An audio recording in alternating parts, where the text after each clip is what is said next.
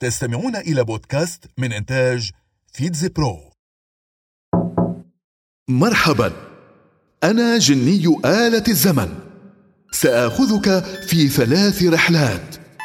رحلات في شتى البلاد. حدثت فيها أحداث في مثل هذا اليوم بالذات. 1402 نعم. أنا تيمور لينك العظيم قائد المغول في القرن الرابع عشر.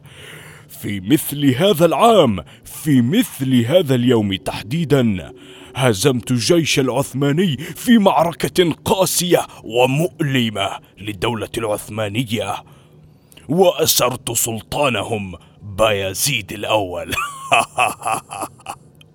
لقد كانت من أروع الانتصارات في حياتي. لا أنسى كم استمتعت وتلذذت برؤيتهم يهزمون وعلى الرغم من العداء ورسائل التهديد المتبادلة بيني وبين السلطان بايزيد الأول. إلا أني أبقيت على حياته واعتقلته وحاشيته بكل أدب واحترام. وخصصت لهم ثلاث خيم فخمة وأمرت بفك قيود السلطان وأجلسته إلى جانبي.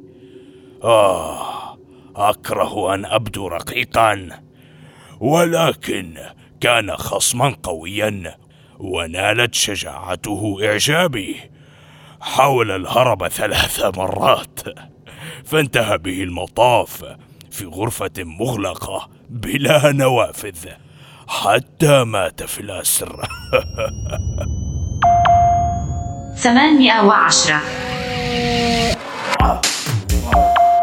السلام عليكم. أنا محمد بن إسماعيل البخاري. أظن أن المعظم أظن أن معظم المسلمين يعرفونني جيدا من خلال اسمي الأخير فقط. في مثل هذا العام في مثل هذا اليوم تحديدا ولدت وبعد أعوام قليلة من ولادتي توفي والدي فعشت في كنف أمي.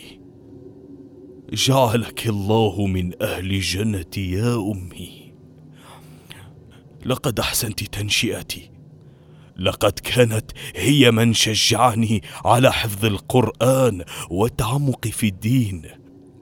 حتى أصبحت أحد علماء الحديث الموثوقين والموقرين عند أهل السنة والجماعة. لقد وهبت نفسي وحياتي لجمع أحاديث رسول الله والتأكد من صحتها. سافرت إلى أقاصي الأرض بحثا عن الأحاديث الشريفة وكنت صارما في جمعها. وأتأكد من الرواة والأسانيد حتى أني كنت لا أكتب حديثا إلا عندما أتوضأ وأصلي ركعتين. 356 أنا الإسكندر المقدوني. الأكبر ملك مقدونيا. في مثل هذا العام ولدت وأصبحت قائدا عظيما خلد اسمي التاريخ. هذا لا يدعو للدهشة ابدا. فأنا صاحب الفضل في توحيد المدن اليونانية جميعها.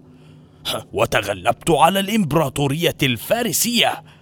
أصبحت ملك فارس. وبابل وآسيا.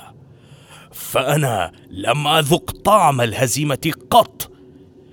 خلال خمسة عشرة عاما من الغزو والحروب فأنا لم أذق طعم الهزيمة قط خلال خمسة عشر عاما من الغزو والحروب.